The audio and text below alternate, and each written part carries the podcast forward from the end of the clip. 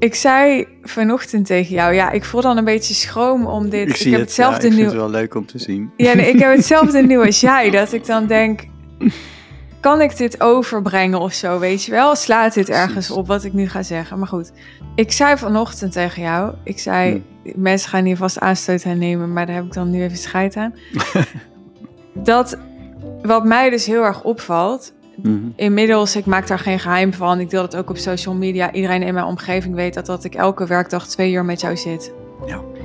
Er is eigenlijk niemand, en nogmaals, er gaan ongetwijfeld niet mensen opstaan die zeggen, "Eh, is niet waar, maar in mijn beleving, laat ik het zo zeggen, Ja. is er Mhm. niemand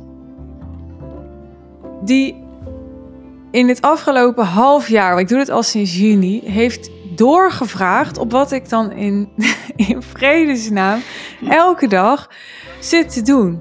Niemand. Ja.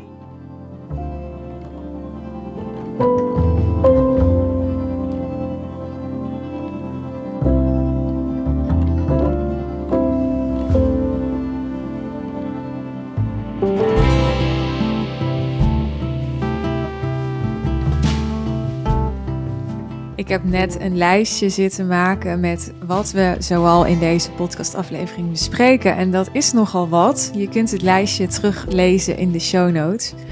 We hebben het onder andere over de godservaring die Pranay deelde in de vorige podcastaflevering. Als je die nog niet geluisterd hebt en je bent van plan om deze te beluisteren, dan ja, is het op zich logisch om eerst de podcastaflevering hiervoor te beluisteren. Hoeft natuurlijk niet. Maar we gaan in deze aflevering deels door op de voorgaande. Pranay deelde in de vorige aflevering namelijk een godservaring in relatie tot de wet van aantrekking. En ik vraag hem in deze aflevering, maar is zo'n interventie van Jezus, zoals hij die omschreef, wel iets wat jij hebt aangetrokken met de wet van aantrekking? Want het lijkt, als je er naar luistert, alsof zoiets buiten jou om gebeurt. Nou, daar geeft Pranay dus onder andere antwoord op als je blijft luisteren. Maar we hebben het ook nog over de kloof tussen een mind en een no-mind, waar we het vaker over hebben gehad in deze podcast. Maar in deze aflevering hebben we het over hoe ik die kloof tegenkom nu ik in mijn leertraject zit bij Pranay. En ook wat ik ervaar ten opzichte van mijn omgeving sinds ik dat traject volg, mocht je daar nieuwsgierig naar zijn. Nou, er komen in deze aflevering ook verhalen aan bod weer. Echt spectaculaire ervaringen over het mystieke. Of, en dat klinkt helemaal nog abracadabra, maar ik ga het toch zeggen, de tovenaarswereld. Dus als je daar misschien wel met een beetje weerstand, maar hoe dan ook, toch nieuwsgierig naar bent, misschien wel zonder weerstand, kan ook. Nou ja, dan ehm, heb je echt meer dan genoeg te beluisteren. Ik wens je heel veel plezier. Pranay. Isis. Gisteren zei jij tegen mij, Mhm. volgens mij was het een citaat van Osho, dat een van de grootste oorzaken van ongeluk is als iemand niet op de juiste plek staat. Ja, dat is waar.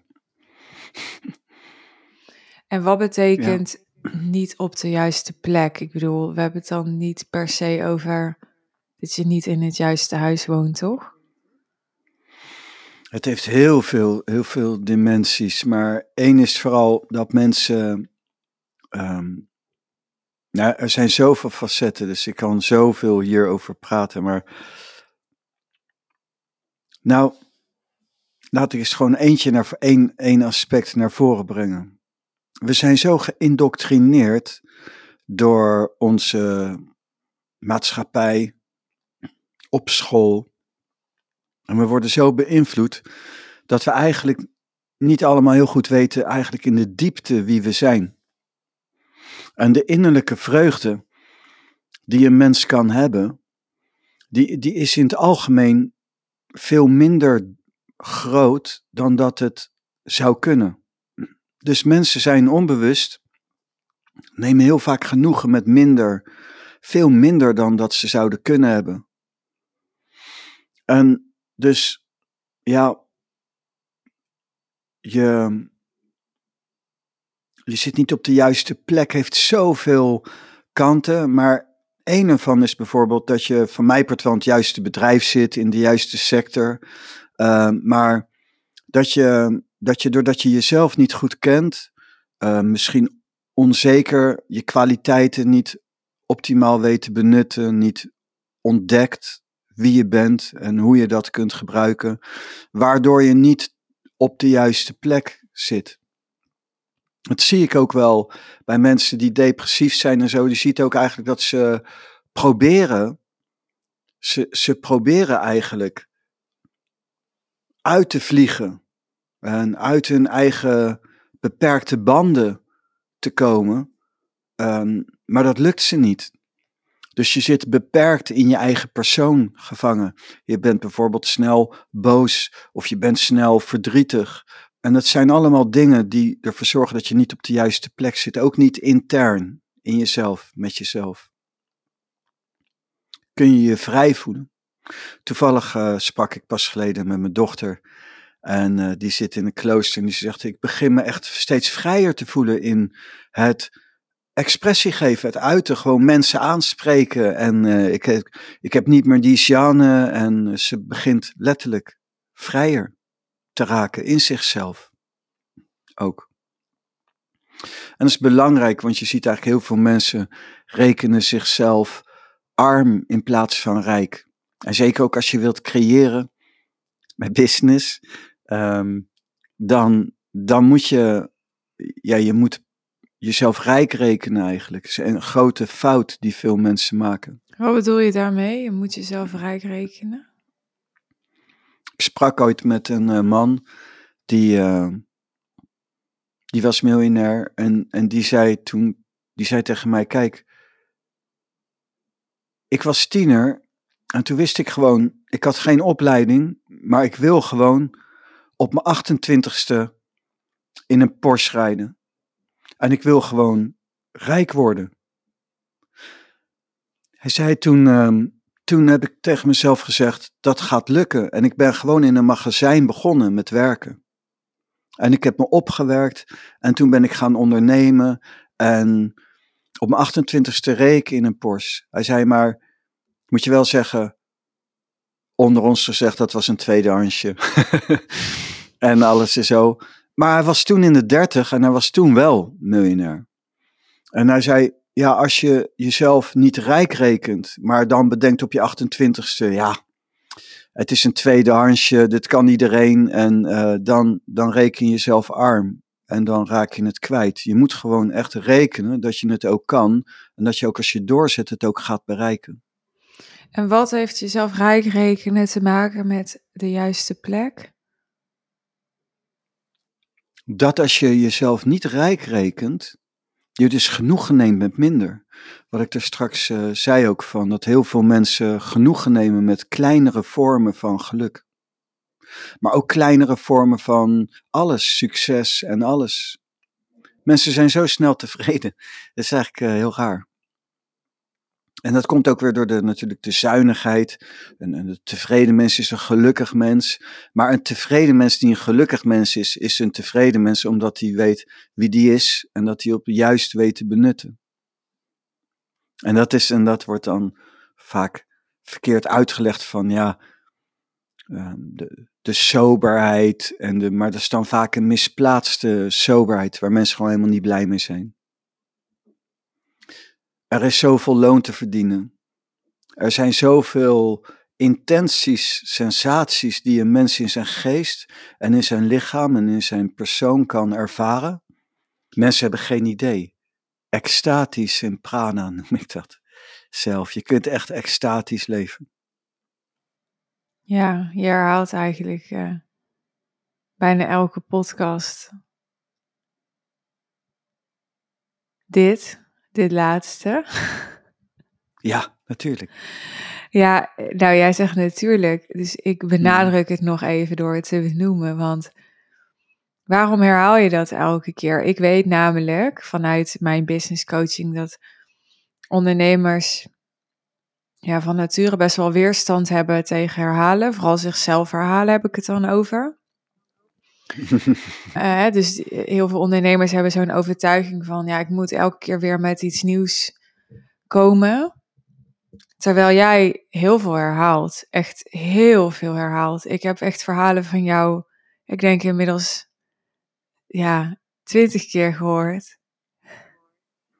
Ja, ik doe dat zelfs expres. Ja. Um, en het is namelijk zo twee, twee dingen. Eén is pinpointen. Ik noem dat zelf pinpointen. Je, je laat iets binnenkomen en dan word je bewust. En je moet bewust worden. Het gaat niet over kennis, het gaat over bewustzijn. En dus ik gebruik vaste verhalen die iets in zich dragen.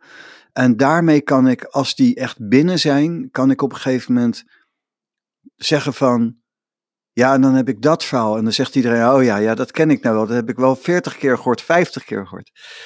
En daarmee kan ik in een, in een, in een latere fase ook steeds dieper, makkelijker praten. Want het gaat eigenlijk over matrixen bouwen, eigenlijk, ook in je bewustzijn. En dus ja, ik herhaal mezelf, maar ik vorm daarmee, ik bouw daarmee een grondslag, waardoor ik later veel makkelijker geavanceerdere dingen kan vertellen. En ook het geavanceerdere is eigenlijk een gedetailleerde basis. Dus heel veel mensen zeggen, ik moet dan bijvoorbeeld, heb ik ook al een keer genoemd, maar dat iemand zegt van ja, Tai, tegen Tignatan, Tai, jouw mindfulness, die ken ik nu wel. Je praat altijd over hetzelfde, dat doet hij ook. En, en, en dan zegt hij terug, jij kent de mindfulness? Ja, zegt die man. En toen zegt hij, Tai zegt, are you sure? Weet je dat wel zeker? En dus, dat is ook wat we natuurlijk ook al hebben aangehaald, maar het is zo goed om te verdiepen, zodat het ook echt verandert in je. En dan zeggen mensen, oh ja, Eckhart Tolle, De kracht van het nu, ja, dat boek ken ik wel. Nee, je hebt het misschien gelezen. Maar ik ben bezig met bewustzijn. En bewustzijn is iets anders. En ook het bewustzijn van de basisfundamenten van je dharma, die je moet kennen. En, en als je later wilt, bijvoorbeeld de wet van aantrekking, waar jij dan heel erg geïnteresseerd in bent, die alles valt of staat bij het kennen van de wet de Dharma. Eigenlijk, je moet de wet zo goed kennen dat je de mazen van het web leert kennen. Maar de mazen van het web is niet de, de wet uh, niet nakomen, overtreden. Het is eigenlijk de mazen van het web leren kennen door in een grijs gebied dingen te kunnen doen met de natuurwetten die mogen. Dus niet om de natuurwetten te overtreden, nogmaals, maar wel eigenlijk een beetje grijs gebied zijn. Ja, en nu breng jij toch hmm. de wet van aantrekking op, dus nu mag ik daar wel op door, toch? Ja, maar dat, mag ze. Jee. Ga los. Nou, de vorige aflevering deelde hmm. jij die godservaring. Ja. En we praten daarna daar nog even over. Mhm. En toen zei ik, ja, wat jij omschreef, die godservaring, en ik weet zeker dat meer mensen die het hebben geluisterd, dat hebben gehad, mhm. dat, dat voelde voor mij minder als iets aangetrokken hebben, omdat het meer voelde als, zoals jij het ook omschreef, Jezus kwam en die genas mhm. jou. Ja. En dat voelde voor mij, of dat komt op mij anders over dan dat jij jezelf bevrijd hebt van je weerstand, van je, ja, van je uh, blokkades. En dat je, zoals Hicks dan kan zeggen, um, are open to receive. Dus dat je jezelf in, in de juiste stand hebt gezet. Jij noemt het wel eens de juiste stand, waardoor je dat wat je hebt gevraagd aan het universum ook kunt ontvangen. Ja. Maar wat, wat jij omschreef over die godservaring, dat ja, dat was meer alsof jij daar helemaal geen onderdeel van was. Hè? Jezus kwam en die deed een soort interventie. Ja. En toen legde jij aan mij uit, Mhm. maar dat hoort echt bij elkaar. Ook dat is de wet van aantrekking. Misschien kun je dat ook aan de luisteraar in jouw woorden vertellen. Ja. Ja, als je gaat kijken naar eh siddhis, in de yoga noemen ze dat siddhis, en, en een, een grotere vermogens om wonderen te kunnen verrichten en bijvoorbeeld dingen te kunnen aantrekken. Dan heb je heel veel siddhis. En vroeger was ik begonnen ooit met de, wat, wat ze zouden kunnen, wat je kunt betitelen als tovenaar, de tovenaarswereld. Er zijn veel mensen die kunnen, in, die, in, in mijn wereld waar ik ben opgegroeid, zijn er best wel wat mensen die kunnen materialiseren letterlijk. Dus letterlijk, eh, Baba, wat ik eens verteld heb, die lingams materialiseert. Maar ik heb niet alleen bij Baba gezien, ik heb ook andere dingen gezien. Ehm, we hadden het er net ook over, grappig geweest. En toen zei ik van, ja, dat is misschien niet handig om te vertellen, maar laat ik het zo zeggen. Een, ehm, Waarom is het niet handig? Nou, om, om, om wat ik nu wil gaan zeggen, maar ik wil het, waarom ook niet? Want het is ook waar. En Maar juist dus daarom, want jij zegt dat dan tussen neus en lippen door, maar ik denk dat mensen zich afvragen, waarom zou je dat niet willen delen? Wat is een argument? één argument is, het is zo niet van deze wereld dat de mensen denken dat je zweeft. En twee is, het heeft een doel, die dingen, maar dat doel moet je een bepaalde rijpheid voor hebben om het juiste eruit te kunnen halen.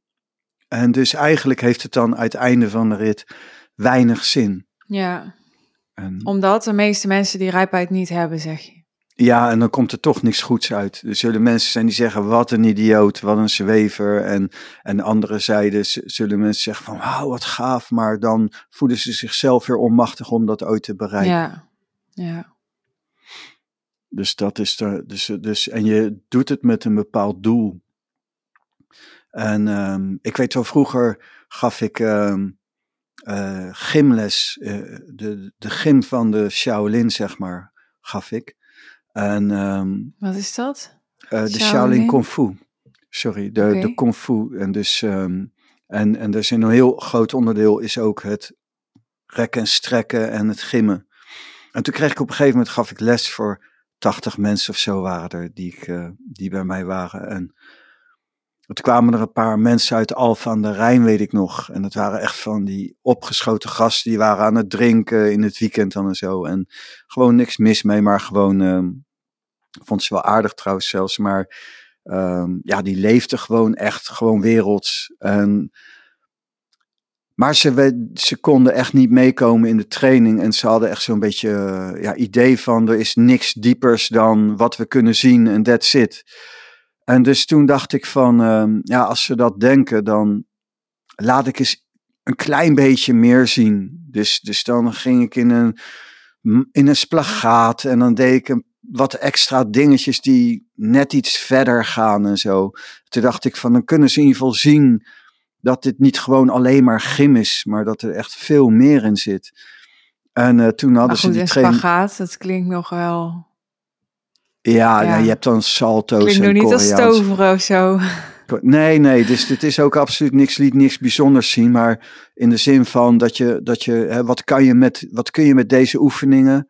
Ja, Ehm, maar je kan, je kan bijvoorbeeld gewoon een rol maken. Gewoon een, een, een, een, een, een rol over de. Een, een, wat? Koprol? Een koprol, ja. Ja, Precies, ik Ja, kon even niet op het woord komen. ja.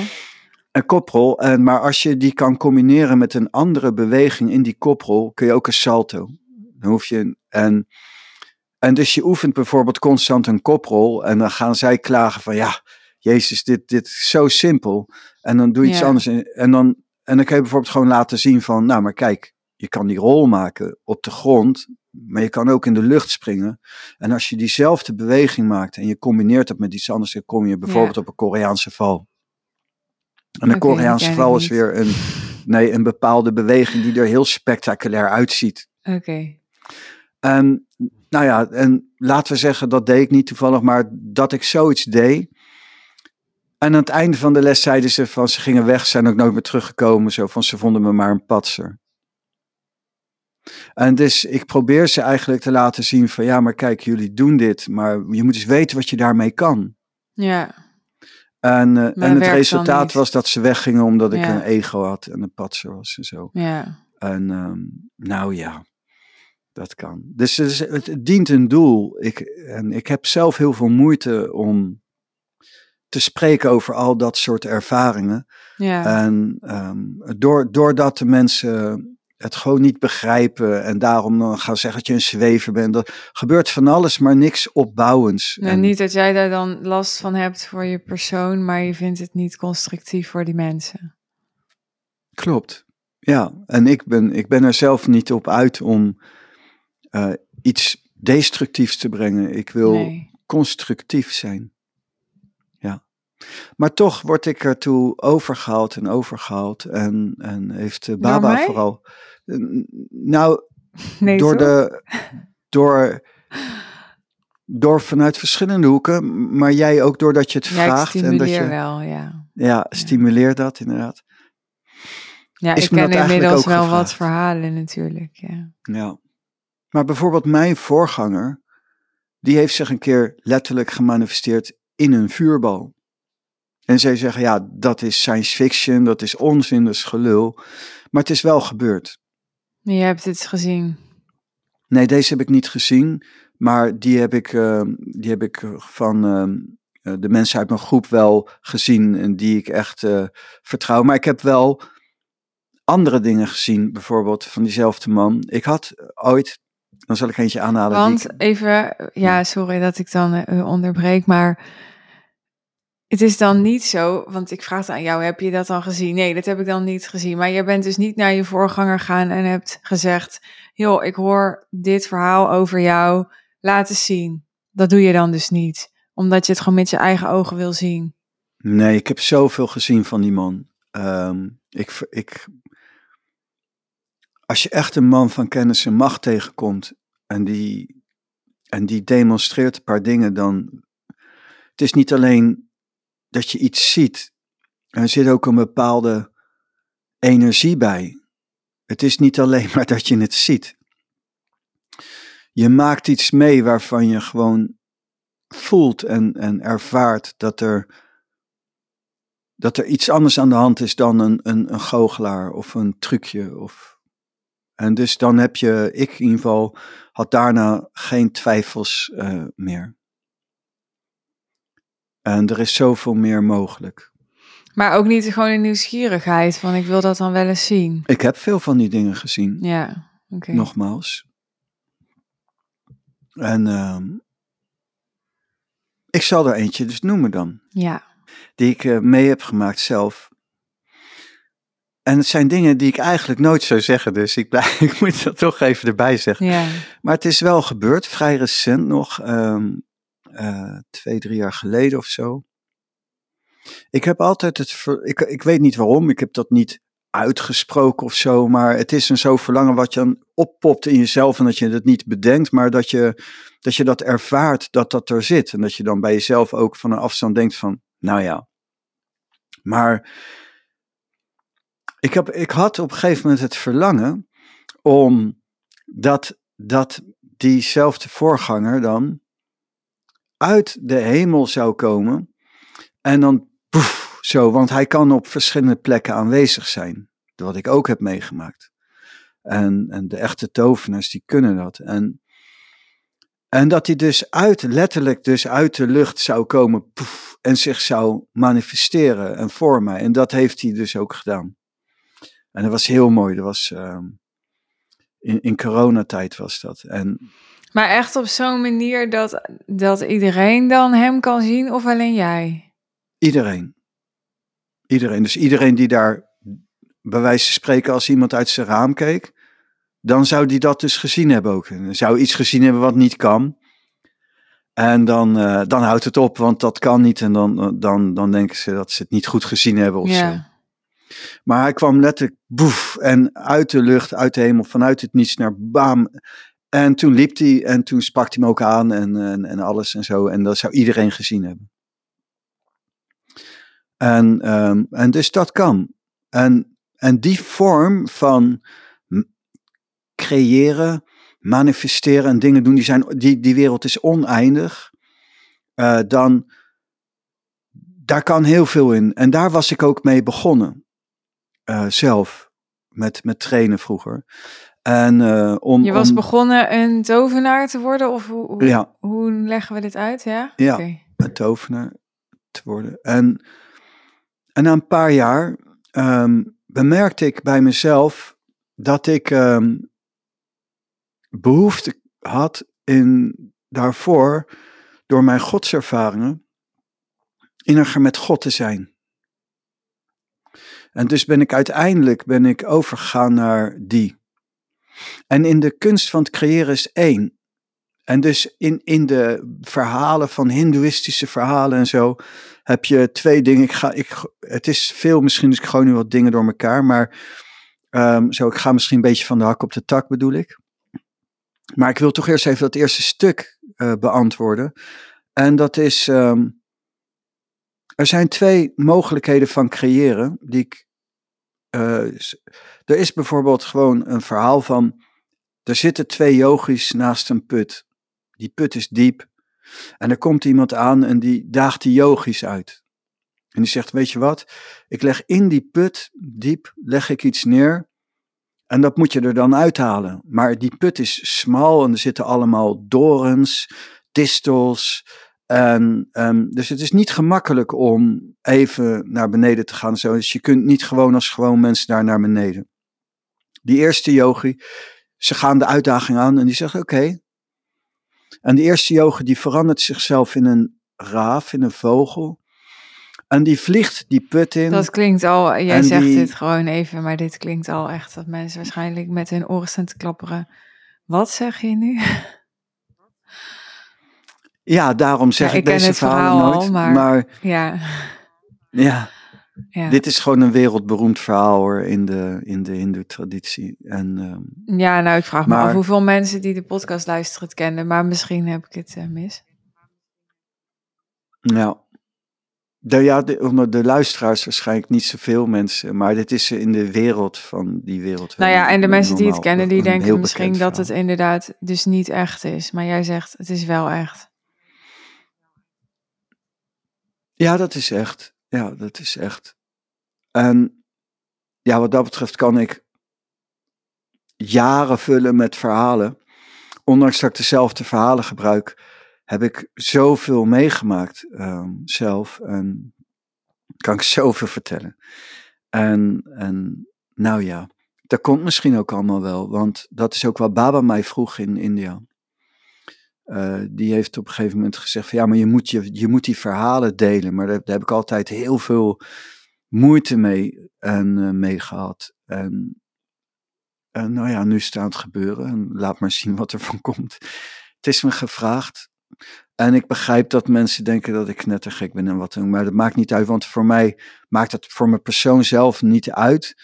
In die zin, eh, maar, maar, maar wel tegelijkertijd wel omdat ik er moeite mee heb. Maar dat is ook weer een heel verhaal. Maar laten we eens doorgaan op dat verhaal. Die ene yogi die verandert zichzelf in een raaf. Die vliegt die put in. Die, die verwondt zichzelf een beetje. En, maar die weet het wel voor elkaar te krijgen om met dat voorwerp uit die put te komen. En nou, dat was mooi. En die andere yogi die gaat zitten. Die, blijft, die, zat al, die blijft zitten. En die gaat rustig in meditatie en die vraagt: eh, God, zou je voor mij niet eh, dat voorwerp uit die put willen halen? God komt, haalt dat voorwerp uit die put en legt het op zijn schoot. Niks geen verwondingen, niks geen poespas van in een vogel veranderen en zo. En dan zeg je, eh, als, als antwoord op je vraag waarmee je begon, is dat dan ook een creëren? Is dat ja? Dat is dat ook, want ik zal iedereen willen vragen, ga maar zitten en vraag God maar. Dus er is in de yoga en ook in de hatha yoga, als je bijvoorbeeld de Yoga Sutras Patanjali gaat bekijken, dan is er een boek, een hoofdstuk Vibhuti-pada. En er worden allemaal uitgelegd, hoewel het moeilijk is met die uitleggen te doen. Je zult eigenlijk wel persoonlijke begeleiding nodig hebben om dat dan ook te kunnen doen. Maar het staat daar wel uitgelegd, samyama doen. En samyama is dus ook een heel verhaal wat het inhoudt. Het is een soort vorm van concentratie, maar het is niet, ja, ik kan het niet nu even uitleggen. En als je samyama doet op een bepaald energieveld, uh, ik, ik noem maar wat, bijvoorbeeld zit in je hoofd een energieveld. Als je daarop samyama gaat doen, dan kan je op een gegeven moment bewust worden van eh, een navigatie, een, het sterrenstelsel, waardoor je in je hoofd als het ware een navigatiesysteem kunt kweken. Wat dieren bijvoorbeeld hebben. En, en bij dieren is het wel bekend hè, dat, dat dieren vaste routes kunnen, kunnen gaan en zo. En dat ze eigenlijk heel goed weten waar ze zijn. En, maar dat zijn ook mogelijkheden van een mens. Alleen moet je dat dan kweken. En dan staat bijvoorbeeld dat uitgelegd hoe. En um, hoe je bijvoorbeeld kunt zweven boven de grond, hoe je letterlijk kunt leviteren en, en alles. Wat is dat? En leviteren is zeg maar boven de grond, dus los van de zwaartekracht. Dus dat je letterlijk in de lucht zweeft, uh, stil of, of beweegt. Maar de zwaartekracht is ook een wet, toch? Een, een natuurwet. Juist, en dus die kun je dus, dus daar kan je, je, kunt dus in. loskomen. Ja, ja, absoluut. Ja. Ja, er is eh, heel veel mogelijk. Jezus liep over water. Dan kan me voorstellen dat mensen denken, ja, wat, wat heb ik er aan om tegen de zwaartekracht in te gaan? Heb je misschien van alles aan, maar dat zou ik zo even niet weten. Nou, niets. Uh, niets. Um, het zijn gewoon, en dat is ook weer een heel verhaal, maar dan moet ik nog meer uitweiden en nog meer uitweiden. Uh, direct niets. Het is leuk, het is grappig, maar het is het spirituele materialisme. Je, dan doe je dat en dan, dan kan je dat en dan, ja, dan is dat leuk. En dat is ook erg betrekkelijk, ja. absoluut. Het heeft ook andere waarden. Maar even en, voor de duidelijkheid, um, bijna niemand kan dit, toch? Want jij zegt nu even, ja, dan doe je dat en kan je dat en dan leuk. En dan... Maar het is niet zo dat je dat, dat even leert, toch? Nee, ga jaren, jaren training aan vooraf en je moet een goede voorganger ja. Weten te vinden. Die zijn heel schaars. Maar nu hoor ik mensen denken, oké, okay, maar jij had dus zo'n voorganger. Ja. En nu zit ja. zij bij jou. Dus hoe zit dat dan? maar jij vraagt zoveel, Suus. Ik vraag Laat ik eerst eens ingaan op het eerste verhaal. Oké. Okay. Dat ik die afmaak. En dan heb je dus ook een siddhi. En als je samyama doet op je kruin, dan kun je in contact komen met de adepten. En de adepten zijn de goden, de halfgoden. En er zijn dus bijvoorbeeld Jezus leeft in mijn verhaal van vorige podcast. Jezus leeft en daar hoef ik niet over na te denken, want ik heb Jezus ontmoet. En niet zomaar ontmoet, zo van ik heb een keer over hem gedroomd. Getuigen bijvoorbeeld, één van mijn vele verhalen die ik heb beleefd. Een, een spectaculaire genezing. Maar het is ook een siddhi, want je hebt daarbij nodig dat je contact hebt met Jezus. En dat je een band opbouwt met Jezus. En dat hij van zo'n dusdanige aard is, dat hij je ook beschermt. En hij beschermt iedereen. En dus dit is, als ik alles wat ik zeg, iedereen kan aankomen met allemaal misvattingen, interpretaties. Ja. Um, maar voor op dit niveau, ja. op deze manier, ja. dan, dan zijn er ook wel weer wetmatigheden waardoor je alleen dat dan zo kunt beleven. Ja. En daar ja, dit is allemaal grootste... zo complex, hè? Want je kan inderdaad Ja. ook zeggen, ja, hij beschermt iedereen, jou zo. Hè, mijn buurvrouw is net overleden aan kanker en eh, waar was die dan? Weet je, krijg je dat weer? Bijvoorbeeld, ja. Ja. Dus het maakt het zo moeilijk. Ja, En eh, als het mijn tijd is, komt Jezus ook mij niet redden op die manier. En, en, en, en, en, en Ja, het is ook niet zo ook dat als je het niet ziet, en- dat hij ja. je niet komt redden. En, Nee. maar wil je het op deze manier meemaken, dan is er wel toch wel wat aan de hand. En dat noemen ze ook een city. En ik bemerkte na een aantal jaren, bemerkte ik van, ik vind het allemaal heel leuk. En ik vind het nog steeds allemaal heel leuk, dus ik ben er ook niet tegen. Maar ik wil meer tijd besteden aan innerlijk gebed en innerlijk eh, zijn met God. En ik heb gewoon gemerkt bij mezelf, wat Jezus zegt, zoek de vrede en jaag die na. Ik heb zoveel dingen zelf ook gedaan en meegemaakt en astraal gereisd en, en heel veel en andere dimensies en, en, en heel veel, heel veel, heel veel. En, en het was allemaal gaaf en leuk en, ehm, en is leuk en mooi. Maar het mooiste, het meest vervullendste, het meest intense wat ik heb meegemaakt in mijn leven is gewoon God in mij.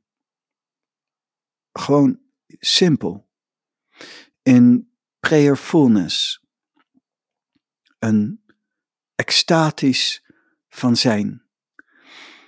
Ik ehm, zou Jezus altijd gelijk geven, want ik kan mezelf niet vergelijken in dat opzicht met Jezus. En dus al zou ik er anders over denken, geef ik hem alsnog gelijk. Maar ook in mijn ervaringswereld. Zoek de vrede en jaag die na. Het is de vrede, de innerlijke vrede, dat is zoveel meer bevredigender dan wat dan ook. Dan wat dan ook. Ja, dan dus die tovenaarswereld ook, bedoel je? ja, dan wat dan ook. Dan, dan die tovenaarswereld, dan, dan, dan seks, dan geld, dan drugs, dan, dan wat dan ook. Maakt, maakt, het maakt gewoon niet uit wat je opnoemt. Die innerlijke vrede overtreft alles. En dat is eh, mijn grootste city. En daarom zijn ze heel erg gekoppeld. En ik had er niet over nagedacht, het kwam gewoon vrij. Maar dat is ook een city, dus dat ik dat heb opgebouwd. Ik denk bij city ook weer aan, aan En- stad, aan Engels. Aan city. Een city is er gewoon een goddelijke vermogen, zeg maar. Ja. En, en ja. Ja. Wie weet is het ooit een stad. En dus ja, dat is een city. Dat is ook een city.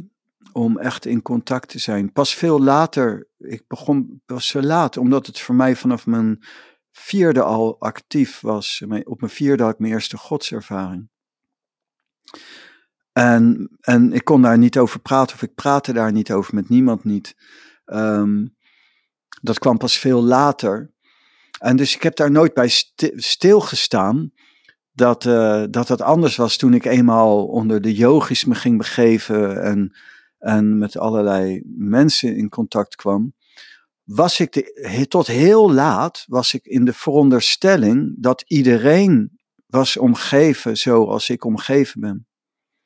Maar op een gegeven moment werd ik ehm, op een avond werd ik, reisde ik astraal en toen werd ik aangevallen door astrale wezens. En ja, dan heb je ook weer wetmatigheden in de astrale wereld. En ze probeerden mij te pakken. En, en, en, en ik ging eerst naar een andere plek. En, eh, want gedachtekracht, eh, die, die, die geldt daar heel erg. En, maar zij waren verder dan ik. En, en dus ze gingen mee naar die andere plek. En, gebe- en allemaal dingetjes. En ik verloor al die dingen eigenlijk. Zo te, ik was niet onder de indruk, want toen riep ik Baba aan en zei Baba. En, eh, en was ik weer terug in mijn lichaam. En je kunt sowieso, als je in die wereld zit en je, raakt kwijt, dan moet je gewoon je ogen sluiten. Je niet laten gek maken door wat je meemaakt of ziet. En gewoon aan je lichaam gaat denken.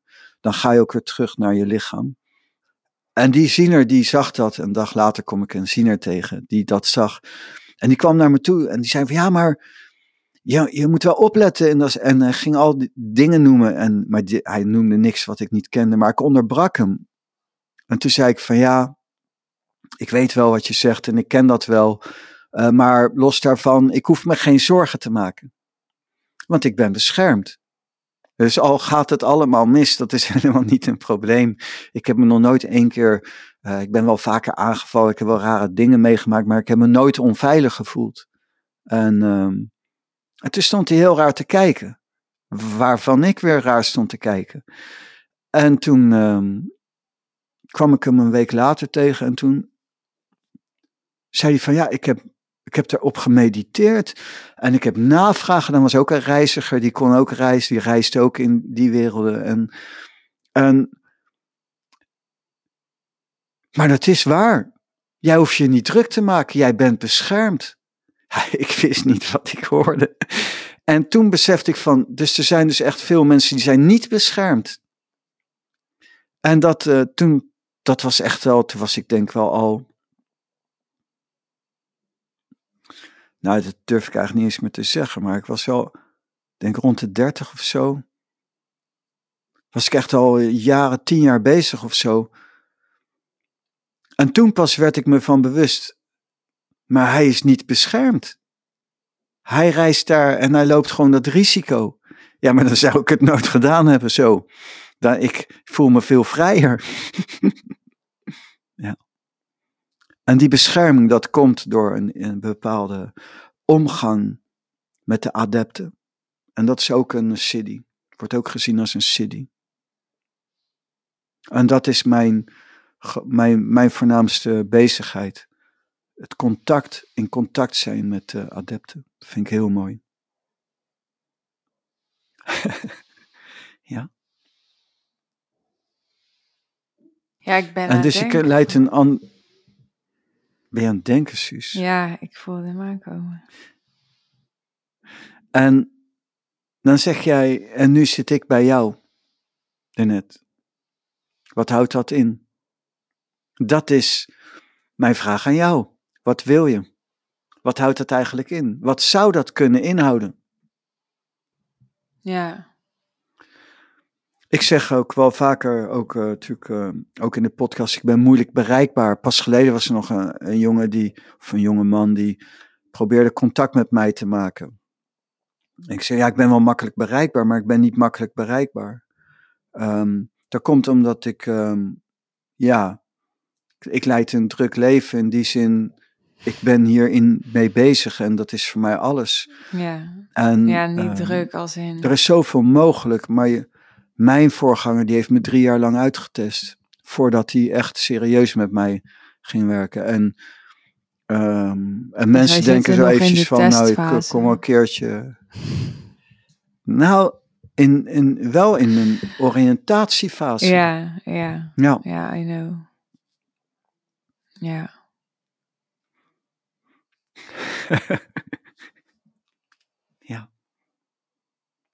Ja.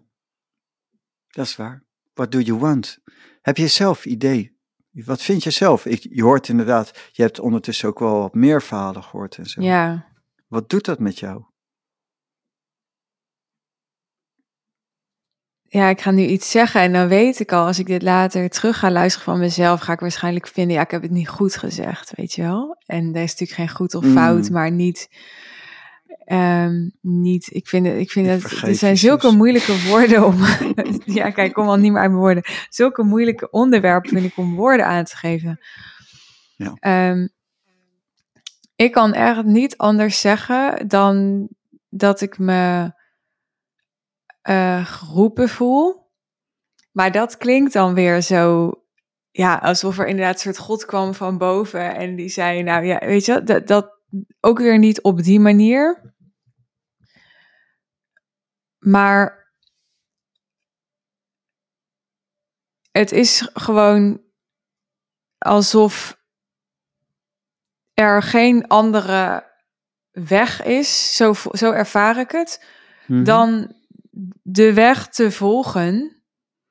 Maar als je aan mij vraagt, maar wat is de bestemming of waar komt hij op uit? Ik heb zoiets vergelijkbaars, zoals vaker volgens mij in de podcast gezegd. Dan dan heb ik daar niet een antwoord op. Wat iets best wel onnatuurlijks is voor mij, omdat ik altijd een heel doelgericht persoon ben geweest. Ik ben altijd heel erg uh, resultaatgericht geweest.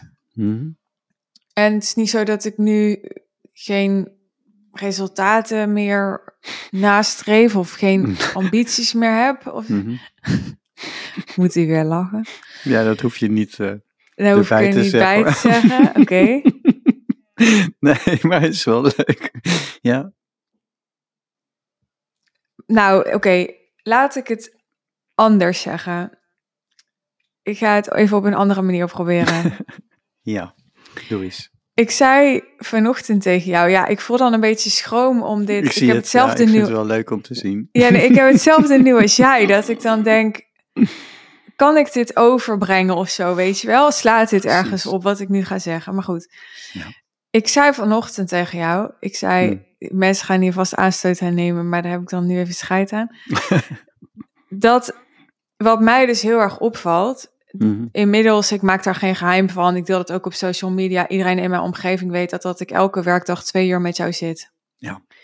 Er is eigenlijk niemand, en nogmaals, er gaan ongetwijfeld niet mensen opstaan die zeggen, "Eh, is niet waar. Maar in mijn beleving, laat ik het zo zeggen, Ja. is er Mhm. niemand die in het afgelopen half jaar, want ik doe het al sinds juni, heeft doorgevraagd op wat ik dan in, in vredesnaam elke dag zit te doen. Niemand. Ja.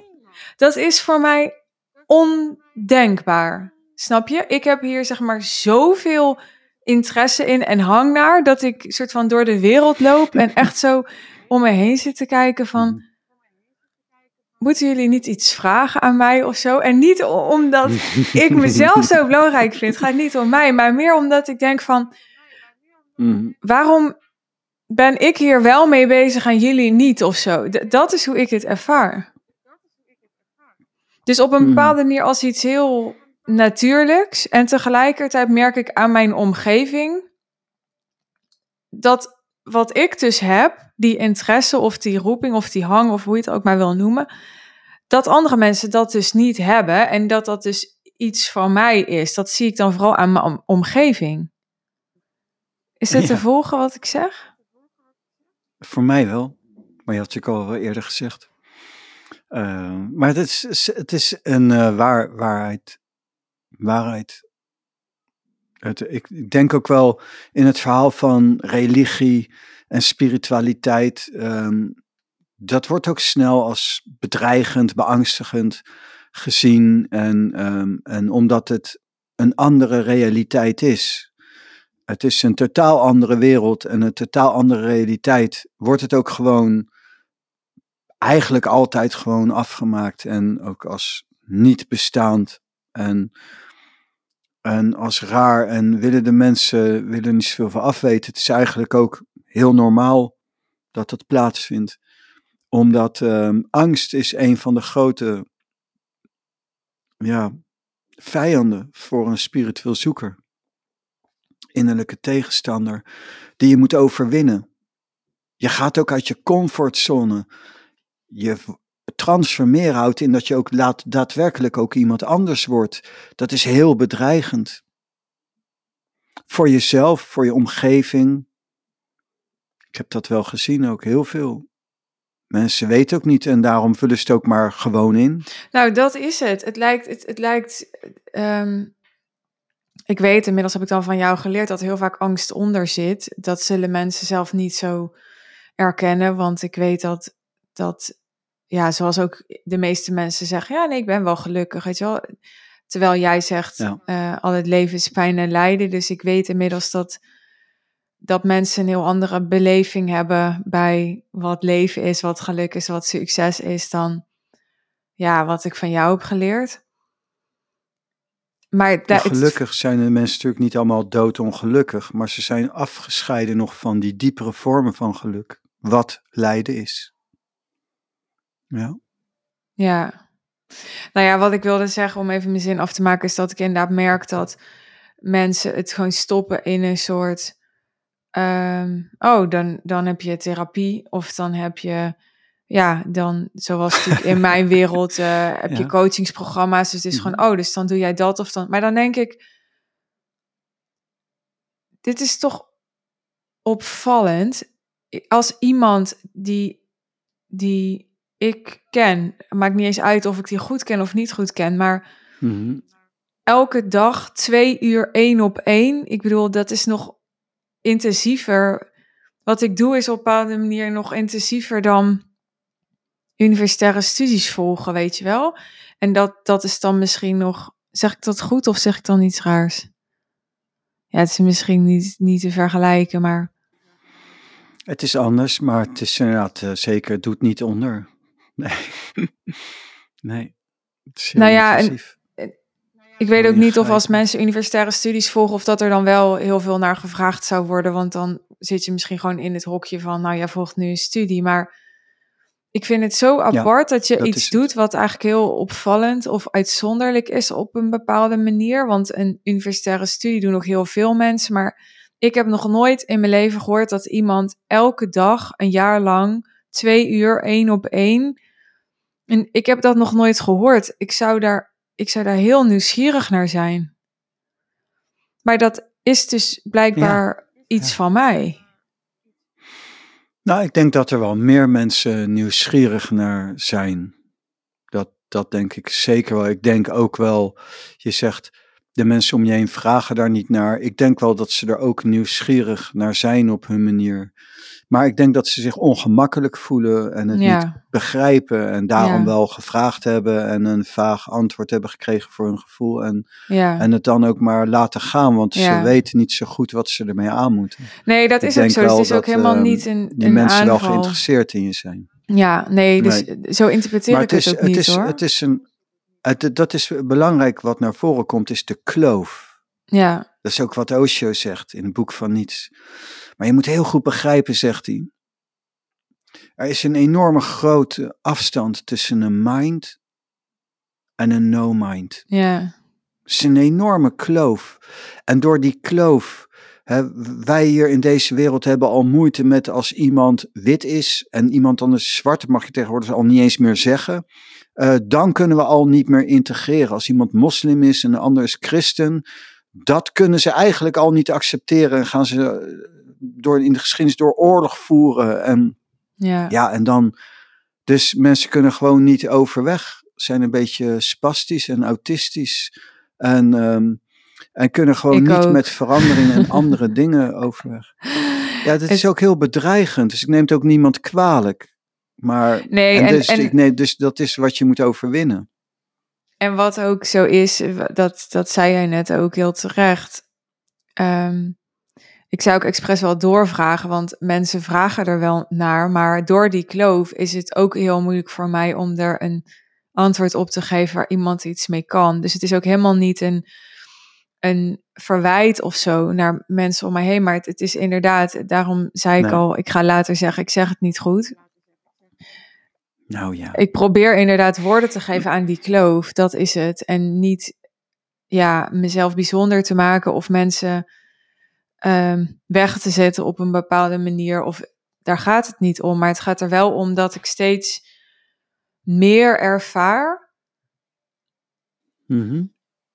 Dat er een kloof is. En dat is ook, we hadden het daar laatst ook in de podcast over. Wat sommige mensen volgens mij ook afschrikt om uh, hier dieper in te gaan. Bijvoorbeeld bij ons in de groep te komen. Omdat die kloof heeft denk ik iets heel onaantrekkelijks voor mensen. Ja, en het hele verhaal is dus inderdaad om die kloof te overbruggen. Dat is het verhaal van het eh, delen. Ik weet nog vroeger, voor de ouderen onder ons, Tineke's uh, paranormale wereld.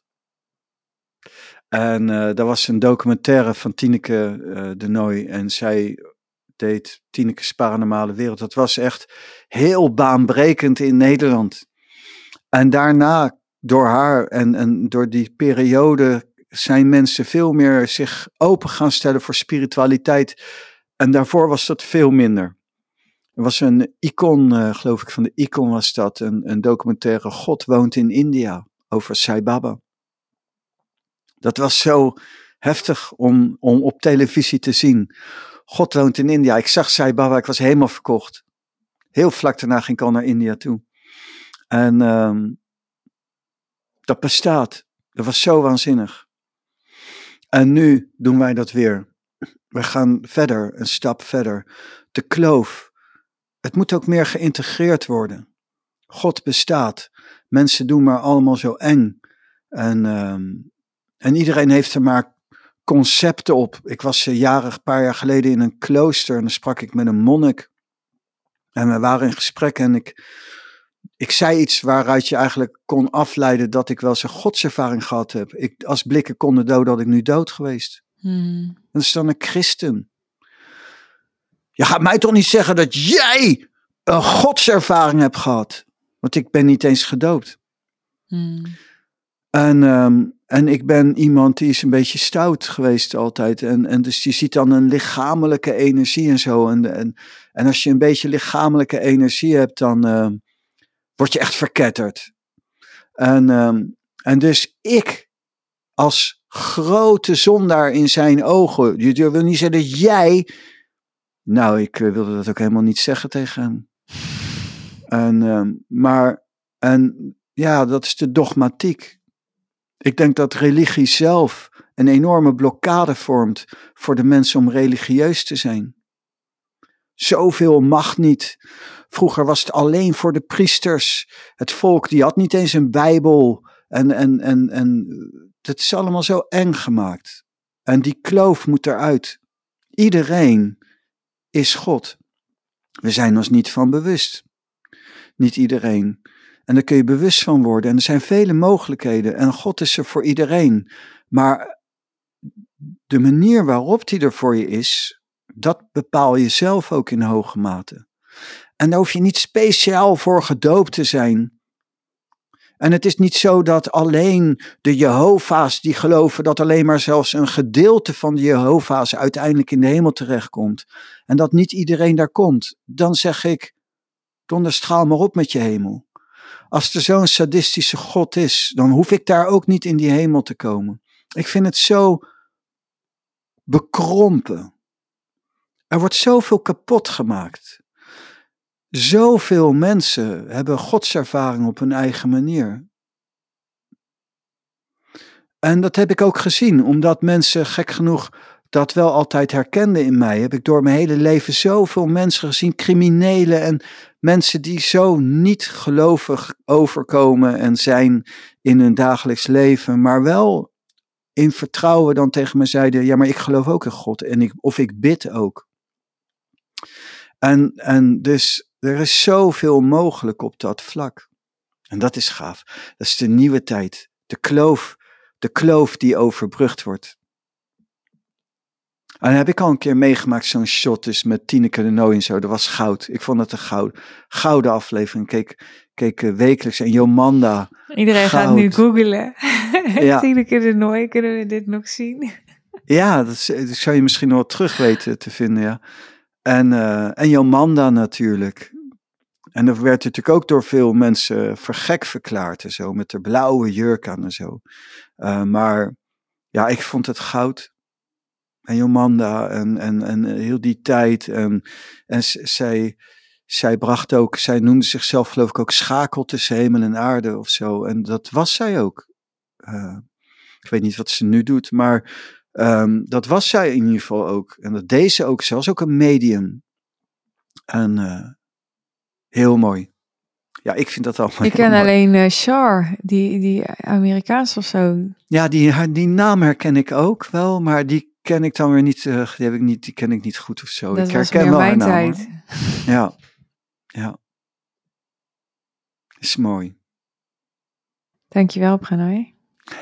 Jij ook, Suus. Dit was podcastaflevering 440 van de Suus en Pranay podcast. Dankjewel dat je hebt geluisterd. En waar we het deze hele aflevering eens een keer niet over hebben gehad, volgens mij, is de Suus en groep. Dat doe ik hierbij nog even. Als je voor het eerst geluisterd hebt naar onze podcast, welkom. Misschien ben je inmiddels een trouwe luisteraar. Dan zul je vaker gehoord hebben over de Suus en groep het aanbod dat we voor je hebben als je ondernemer bent en uh, nou bijvoorbeeld je wilt verdiepen in de kunst van het creëren, een onderwerp wat wel aan bod kwam in deze aflevering, of als je op een andere manier in aanraking wilt komen met alle thema's en alle begaafdheden waar wij over praten in deze podcast en die uh, misschien deels bij jou introduceert. De Sus en Pranay groep heeft elke dinsdag en donderdagavond een online Zoom-sessie van 8 tot half 10 s'avonds. Je bent welkom om daarbij te komen. Je investering is 1000 euro per maand voor dus twee keer per week een Zoom-sessie van anderhalf uur. En daarnaast wekelijks een verdiepende audio van Pranay, waarin hij je helpt met de beoefening die je nodig hebt ja, om daadwerkelijk alles wat er mogelijk is als het gaat over die diepere lagen van geluk, vervulling en succes te bereiken.